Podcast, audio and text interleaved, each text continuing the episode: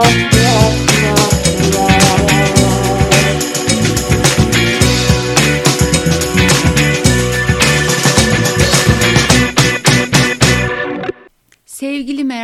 meraklı Sına insan kaynakları dostlarım, baktım herkes bahsediyor. Ben neyim eksik dedim. Şu son zamanlardaki motivasyonum o yönde. Ben de bahsedeyim ya dedim. E, ve bugünkü programımı eleman seçimi neden çok önemli ıı, konusuna ayırıyorum. Ya biliyor musunuz? Evet e, biliyoruz değil mi eleman seçimi neden önemli olduğunu. Hani doğru işe doğru eleman, işe yeteneği al, tecrübeyi geliştir falan. E, Birçok fenomen laf edilebilir aslında ama ben size daha farklı bir şeyden bahsedeyim paradan. İnsan kaynakların genelde gözden kaçırdığı bir şey biliyorsunuz değil mi sevgili meslektaşlarım? Hani işverene yapmak istediğiniz yatırımın geri dönüşünün maliyetini hesaplayacaksınız. Yani bunun için ne kadar para harcayacağım ondan sonra geri dönüşünün ne olacak bu, bu yatırımın bana? Bunu hesaplayabiliyorsanız çok güzel o e, projeyi satarsınız işverene. Şimdi Amerika'da yapılan bir araştırmaya göre yanlış bir işe alımın maliyeti işe alınan kişinin maaşının %30'u ile %200'ü kadarmış. Yani bu oran işte pozisyona, pozisyonun kritikliğine, sorumluluklarına göre falan değişiyor. İşe alırken yaptığınız onca masrafı düşünün. Telefonlar ediyorsunuz, headhunterlarla çalışıyorsunuz, danışman firmalar var. Sonra ne bileyim işe alın yapan çalışanların saat ücretleri var. O sırada boş kalan pozisyonun şirkete maliyeti var. Yani bütün bunları düşünün. İşte e, maliyeti hesaplayın. Nasıl hesaplayacaksınız? Ya o çıkan oran işte bu yüzde otuz ila yüzde iki yüz arasında. Şimdi bunu yönetime pazarlarsanız karşılığında bu e, maliyete göre yapacağınız yatırımın da karşılığını vermeniz gerekiyor. Ne demek istiyorum? Yani ben işe alım yaparken ne kadar masraf yaparsam ve bunun karşılığında ne kadar doğru elemanla çalışırsam yani doğru eleman ne demektir? Böyle kısa sürede işten çıkmayan değil mi? En az masrafla en doğru elemanı seçiyorum ve o doğru elemanda en yüksek performansla en yüksek getiriyi sağlıyor şirkete. Şimdi işe alım uzmanlarının böyle bir sorumluluğu var değil mi? Peki o zaman ne yapacak işe alım uzmanları? Ya ben en doğru şekilde nasıl seçebilirim bu adayları diye düşünecek değil mi? Şimdi burada seçim işte herkes kendine göre, sektörüne, şirketine, e, bildiği yöntemlere göre bazıları alışkanlıklarını değiştirmek istemiyor çünkü. E, birçok e, işe alım yöntemleri var. Ben burada genel olarak hepsinden kısa kısa bahsedeceğim. Ama tabii dediğim gibi sektörlere e, göre çok değişebilir. E, alacağınız, işe alacağınız pozisyona göre bu yöntemler çok değişebilir. Bu yöntemlerin birisi, ikisi, üçü bir arada zaten uygulanır ve adaylar olabildiğince doğru aday seçilmeye çalışılır. Şimdi burada işe alım yöntemlerinden bahsederken aslında bir şeyin olduğunu varsayıyorum o konuya hiç girmiyorum. Yani ona da girersem konu çok uzayacak çünkü. Nedir bu? İşe alacağınız o pozisyondaki o pozisyonda çalışacak kişinin nitelikleri değil mi? Nedir bu nitelikler? Hangi faaliyetler yürütülecek? E, ne tür sorumluluklara sahip olacak? Yetkileri neler olacak? İşte e, ne bileyim hangi eğitim gereklilikleri ya da bir sertifikası olacak mı olmayacak mı? Ne tür deneyimlere sahip olacak? Hangi sektörde deneyime sahip olacak gibi birçok konuda e, yazılmış bir görev tanımının olması gerekiyor. Ben o görev tanımının şu anda var olduğunu hayal ediyorum ve o hayale göre orada yazılan görev tanımına göre uygun kişiyi nasıl seçersiniz, hangi araçları kullanırsınız diye bu yayınımı yapıyor. Çünkü o görev tanımı olmayanlar var. E, neye göre iş alımı yaptıkları konusunda gerçekten bilgim yok. Ama elinizde bir referansın olması lazım. Bunda hepimiz hemfikiriz. Şimdi e, peki nasıl yapacağız? Bunlardan bir tanesi biodata dediğimiz şey. Biodata aslında CV incelemesi. CV incelemesi de dediğimiz ne? İşte bilgisi, becerisi değil mi o kişinin? Hangi eğitimlere sahip, e, kaç senelik bir deneyimi var? Yani diploma araştırması belki yapıyoruz gibi. Buradan ilk aşamada elemeler yapılıyor ama burada mesela e, biodata'nın içerisinde hani bilgi dedim ya şimdi bilgiyi CV'den göremezsiniz ama bir takım testlerle görebilirsiniz değil mi? Ölçebilirsiniz. Ama tabii ki test derken de şimdi insanların bilgi seviyesini ölçtüğünüz testleri de herkese yapamazsınız. Kime yaparsınız? Genelde yeni mezunlara yaparsınız. Yani okulda aldıkları bilgiler hani benim burada en azından temel seviyedeki bilgilere uyuyor mu? E, peki çok deneyimli insanlara tabii ki onlara böyle e, bilgi testleri yapamazsınız ama ne yaparsınız? O bilgilerini ölçebilecek gerçekten o konuda tecrübeli insanlarla mülakata alırsınız. E bunlar da genelde birim yöneticileri olur, değil mi? Kendi teknik konularıyla ilgili e, ciddi bilgileri vardır. E, o zaman o kişi o deneyime sahip mi değil mi? Oradan teknik mülakat sırasında öğrenilir. Bunun dışında ne var? E, bilişsel yetenek ölçümü var. E, yani okuma ve okuduğunu anlamanın yeterli olduğu görevlerde olduğu gibi adayın matematiksel yeterliliğini ölçmek isteyebilirsiniz. Mesela karmaşık ve belli bir algoritmaya bağlı kalmadan düşünmeyi gerektiren, problem çözmenin beklendiği görevler için matematik becerileri kontrol edilebilir. Bunun için başta da söylediğim gibi işe alım yapacağınız görevin tabi gerektirdiği o bilgili beceri nedir önceden iyi tespit edilmiş olması lazım. Matematiksel işlemlerle ilgili görevler için kullanılan matematiksel dikkat testleri var mesela. Uluslararası alanda kullanılıyor bunlar. Geçerliliği ve güvenirliği ispatlanmış testlerdir. Ya da bilişsel yeteneklerin sınandığı mesela zihinsel rotasyonu sorgulayan, iki veya üç boyutlu görsellerin gösterildiği bir takım testler var. O görsel e, adayın zihninde döndürme yeteneği nasıl diye test ediliyor. Yani çünkü insan zihnindeki o dönüş görsellikle ilişkili ve beynin algılama, zihinsel rotasyonla ili, ilişkili alanlar arasındaki ilişkileri e, belirlemede önemli testler bunlar nesnelerin ne olduğu ve nereye ait olduklarını anlamaya yardımcı olan işte şöyle bir e, nesneyi şöyle döndürseniz nasıl görünür altında da böyle birçok öyle gene aynı görselin döndürülmüş biçimi var.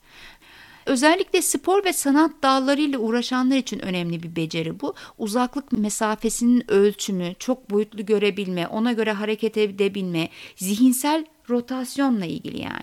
Ya da Tekstil başta olmak üzere model, teknik resim gibi şekle, dikkate, uzay algısına, görme keskinliğine ve motor koordinasyonunu ölçmeye e, ihtiyacı olan görevlerde gerekli olan testler yapılabiliyor. Şekil kopyalama testi gibi ölçümler var. Bir başka işe alım yöntemi de mekanik ve motor becerilerin ölçüldüğü yöntemler. Mesela hasta bakıcılar, sanayide çalışan işçiler için e, bu tür e, yöntemlerle işe alım testleri uygulanabiliyor. Adayların kas güçleri, fizyolojik, biyolojik yapıları, fiziksel olarak yeterlilikleri test edilebiliyor. El göz koordinasyonları mesela görsel dikkatleri, detayları algılamaları testlerle gene ölçülebiliyor. Bunlara e, örnek olarak ince parmak becerilerini ölçen metal pimler testleri var. El göz koordinasyonunu ölçen Turner testi var. El sabitliğini ölçen tiramometre titreşim testleri var. Rengin önemli olduğu meslekler olabilir değil mi? O zaman renk körlüğü testleri var mesela onlar yapılabiliyor. Veya aletlerin mekanik parçalarının nasıl çalıştığına dair testler var. Alet ve makineler arası ilişkiler sorgulanıyor burada e, bu şekil böyle dönerse şu şeklin nasıl dönmesi gerekir gibi mekanik süreçler nasıl çalışıyor onlara dair testler var. Hani böyle bir tane e, bir yerde e, bir driver var arkasında da bir sürü dişliler birbirine bağlı. İşte ben bu driver'ı döndürsem işte sondaki o dişli sağa mı döner sola mı döner gibi size sorular sor, sorulabiliyor. Bunun dışında Başka testler de var tabii. Yani bunlar mekanik motor beceriler dedim ama dürüstlük seviyesini ölçen, kişisel bütünlüğü ölçen testler de var. Hileli davranıp davranmadığını, yalan söyleme alışkanlığını, samimiyetsizliği gibi böyle kişisel bütünlüğü ortaya koyan testler bunlar. Davranışları ölçen, tutumları ölçen testler. Mesela hileli davranma testi var. Kişinin kolay bir iş yaptığında bile yaptığı iş çok zorluymuş gibi davranması gibi. Yaşamına dair o tutumları ölçüyor. E şimdi tamam ben hakikaten gülmem geldi. Böyle insan da çok fazla değil mi? Yani en ufak bir yerden bir şeyi kaldırır. Ay çok iş yaptım falan der. Ya da yalan söyleme testi var ama bu hani böyle çok hani kara yalan, beyaz yalan falan testlerinden bahsetmiyorum. Gerektiğinde kendini kurtarmak için yalan söyleyip söylemediği araştırılıyor burada. bu, bu testler de gerçekten çok önemli gibi görünüyor. Ya aslına bakarsanız bu testler yani benim gördüğüm kadarıyla şu anda e, herhangi bir beyaz yakada falan yok ama daha çok güvenlik görevlileri veya işte hani polislerde falan çok önemli e, testlerdir bunlar. E, samimiyetsizlik derecesini ölçen testler var. Başkasının yaptığı işi kendi yapmış gibi hani gösterip göstermediği mesela ölçülüyor. E, bu ne kadar çok değil mi?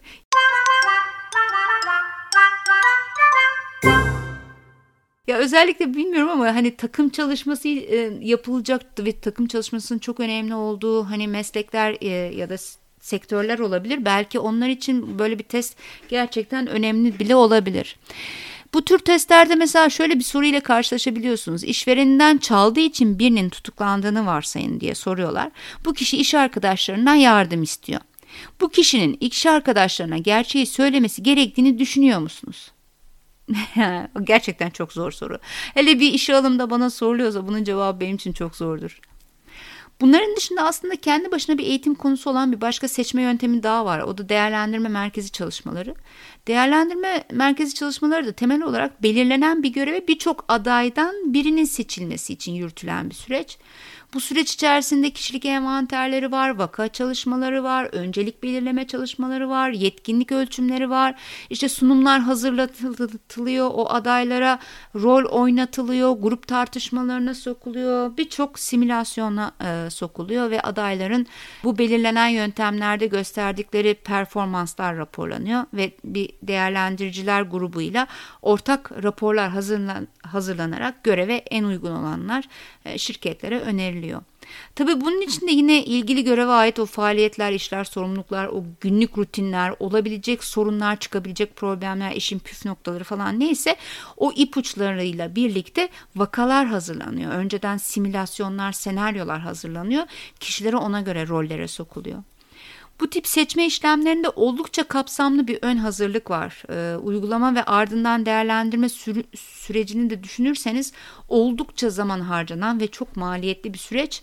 Bu örneklerini verdiğim yöntemlerden de en az 3 tanesinin falan uygulanması lazım. Yani kişilik envanteri, vaka çalışması, rol çalışması gibi böyle üçü bir arada. İşte kişilik envanteri, grup çalışması veya işte yetkinlik bazlı mülakat gibi gene.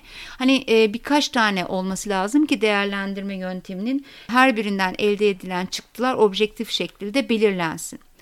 Tabii adayların dediğim gibi başvurdukları görevlere uygun vakalar hazırlanıyor burada. Bu vakaların çözümleri bekleniyor ve e, bu vakada herkesin bir rolü oluyor.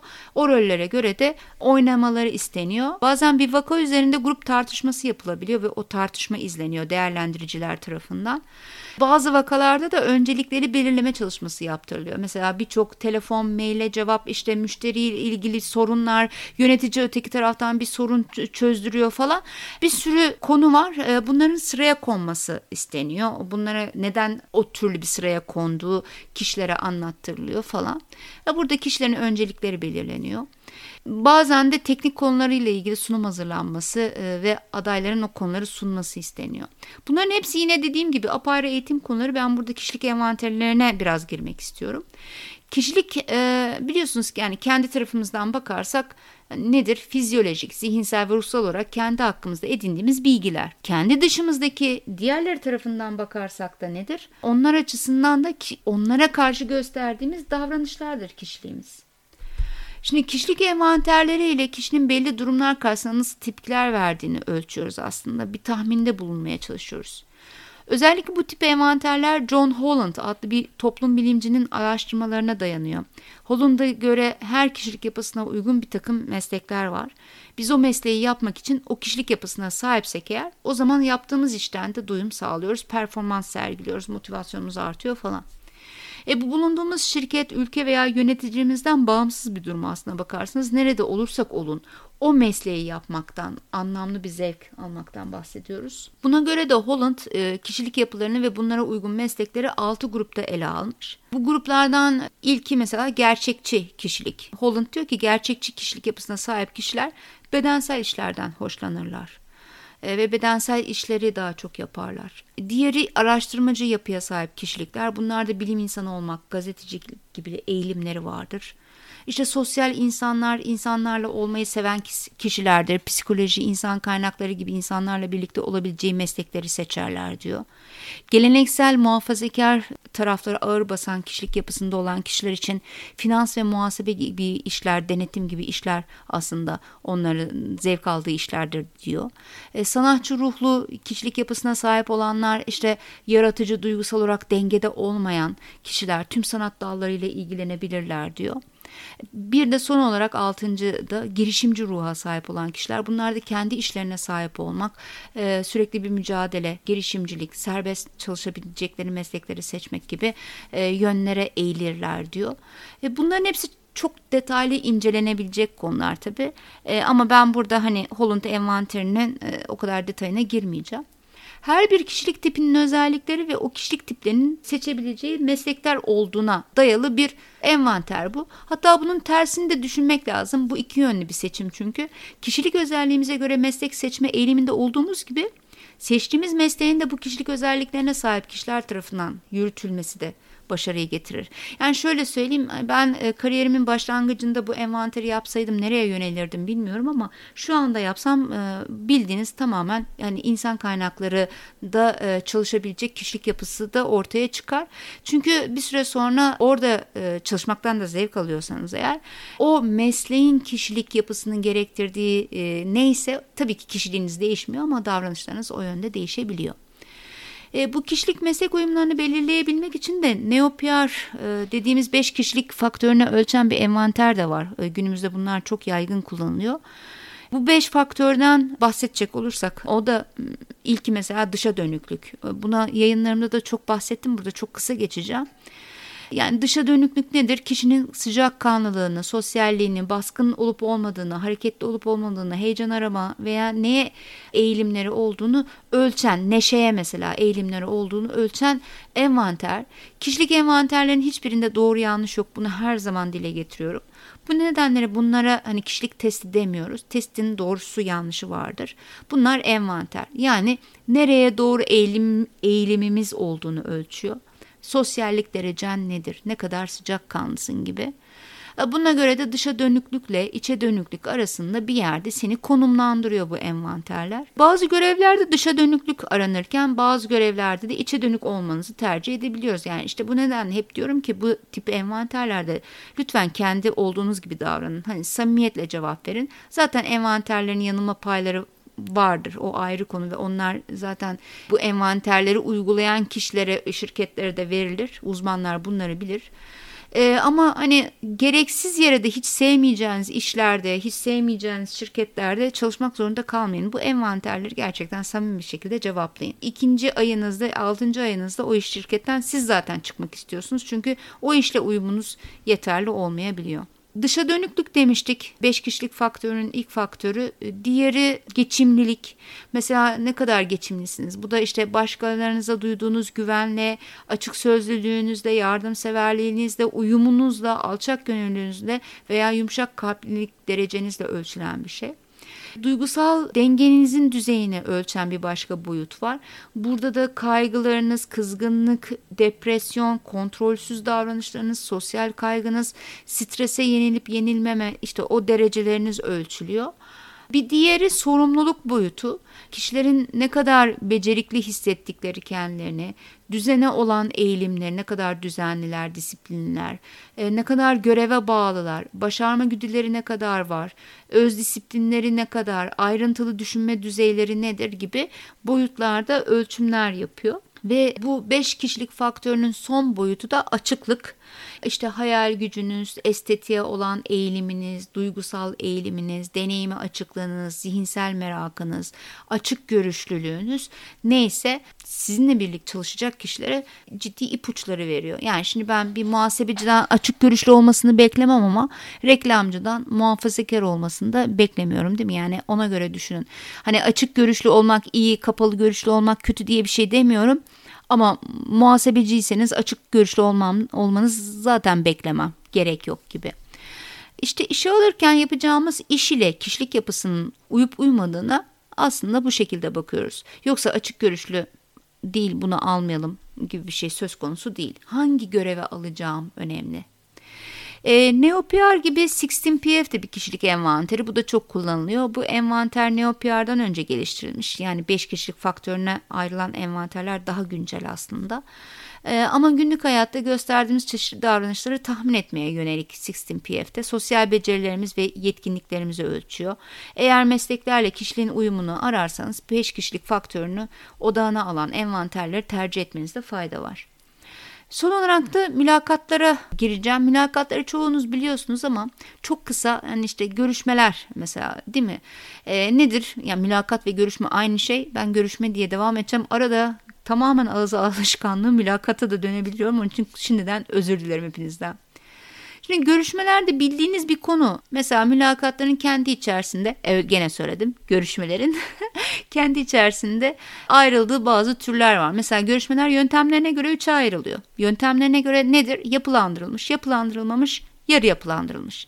Yapılandırılmış ne? Sorularım var, soruyorum, cevabını alıyorum. Başka hiçbir adayla muhabbete girmiyorum. Değil mi? Böylece adayları o sorulara verdikleri cevaplar üzerinden hani gayet somut bir şekilde değerlendirebilirim. Ama burada tabii adayın öyle söylediği bir şey vardır ki onun söylediğine ben başka bir şey sorma durumundayımdır. Fakat elimdeki sorularda listemde öyle bir soru yoksa soramıyorum. Yani bu, bu çok sınırlandırılmış bir mülakat türü bence. Peki yapılandırılmamış ne? O da o sohbet havasında gayet güzel gidiyor. O da aday kendini ne kadar güzel pazarlıyorsa e, siz de o kadar güzel e, onu işe alırsınız.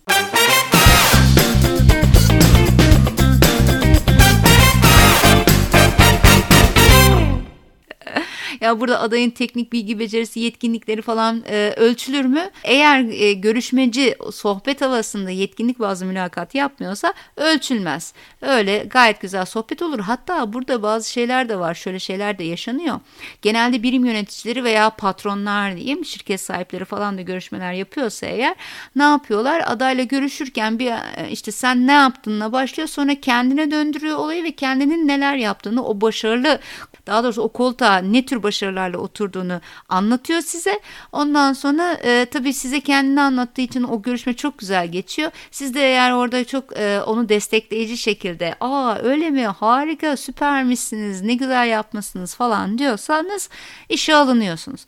E tabii böyle bir mülakatta da insanların birbirinden ayrılması çok zor. Yani ne sordun da ne cevap aldın o belli değil. Ne anlattınız ne konuştunuz e, nasıl birbirleriyle karşılaştırıyorsunuz adayları hiçbir objektifliği yok. O zaman ne yapıyoruz? Yarı yapılandırmış mülakatlara giriyoruz. O da nedir? Evet elinizde sorular var ancak siz o arada e, o sorulardan gelen cevaplara göre daha sondaj dediğimiz sorulara dalıyorsunuz ve e, hani o kişinin o konuda detaylı bilgi edinmek istiyorsanız merak ettiyseniz eğer hem sohbet havasında hem gerçekten elinizde var olan sorularınıza uygun şekilde mülakatı yönlendirebiliyorsunuz.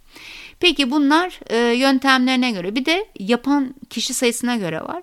Ya bir birebir mülakat var. Bunu hepimizin bildiği gibi bir tane işe alım uzmanı var ya da mülakat yapan, görüşme yapan kişi var. Bir de karşısında aday var. İki kişiyle mülakat yürütülüyor. Bu birebir mülakat. Bunun dışında panel mülakat var.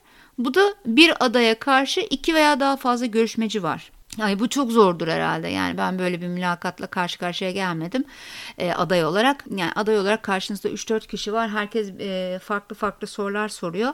Gerçekten zorlayıcı bir süreçtir. Bir de grup mülakatı var. O da aday da çok, görüşmeci de çok.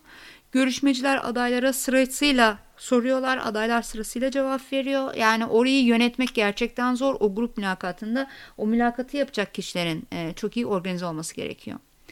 Bunun dışında da görüşmeler konusunda içeriğine göre de ayrılıyorlar. Bunlardan bir e, bu ayrımın ilki davranış görüşmeleri ya da yetkinlik görüşmeleri de diyebiliriz. Hani adayın geçmişteki bazı durumlarda olayları nasıl ele aldığı hakkında konuşmasını sağlamak için düzenlenen bir dizi soru içeriyor bu davranış görüşmeleri. Tekniğin özündeki prensip gelecekteki davranışların en iyi göstergesinin geçmişteki davranışlar olduğu inancı. E, yetkinlik veya davranış bazlı mülakatta diyebiliriz buna. Adayların görevini gerçekleştirirken o göstermesi gereken yetkinliklere sahip olup olmadığı sorgulanıyor aslında. Mesela bir satış pozisyonu için alacağınız adayın müşterilerle müzakere edip edemeyeceğini, nasıl bir yöntem kullanacağını gibi yetkinlikleri e, sorgulayabilirsiniz.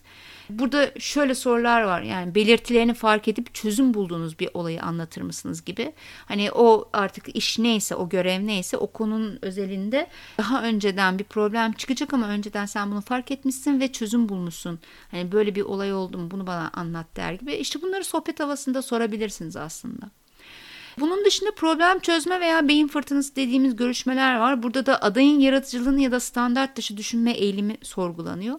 Bazı soruların tek bir cevabı olmayabilir. Yani küçük mantık oyunları veya zeka bulmacaları gibi şeyler bunlar. Danışmanlık, yatırım bankacılığı, ileri teknoloji gibi iş alanları için yapılan mülakatlar da önemli bir yer tutuyor bunlar. Mesela şöyle samanlık içine düşmüş bir iğneyi bulmanın tüm yollarını sıralayın gibi. Hani adayın o süreci aslında önemli. Yani sonuç değil de sürece nasıl gidiyor, sistemsel düşünme kriterleri neler onu öğrenmeye çalışıyorsunuz. Bir diğer mülakat türü de psikolojik mülakatlar. Onlarda da amaç insanların kişilik faktörlerinin hani pozisyonun gerektirdiği özelliklere uyup uymadığını belirlemek. Sosyal kaygı düzeyleri nedir? Öfkelerini kontrol edip edemedikleri kontrolsüz davranışları var mı yok mu? İş ortamının beklentilerine uyum ya da uyumsuzlukları nedir? İçe ya da dışa dönüpler mi? Sorumluluk alma düzeyleri nedir? Özgüvenleri veya kendilerini becerikli hissetme duyguları nedir gibi faktörler inceleniyor. Hani burada da mesela şey sorular metaforlara daha çok yönelik sorular oluyor. Hani ağaç olsaydınız hangi türde olurdunuz gibi. Son olarak da stres görüşmeleri var. Bu stres görüşmeleri de oldukça stresli. Amaç adayın dengesini nasıl koruduğunu, uyum yeteneğini, kendisine beklenmeyen olaylar karşısında ne kadar çabuk toparladığını görmek aslında. Adaya kişilik haklarını zedeleyecek hiçbir soru sorulmamalı burada.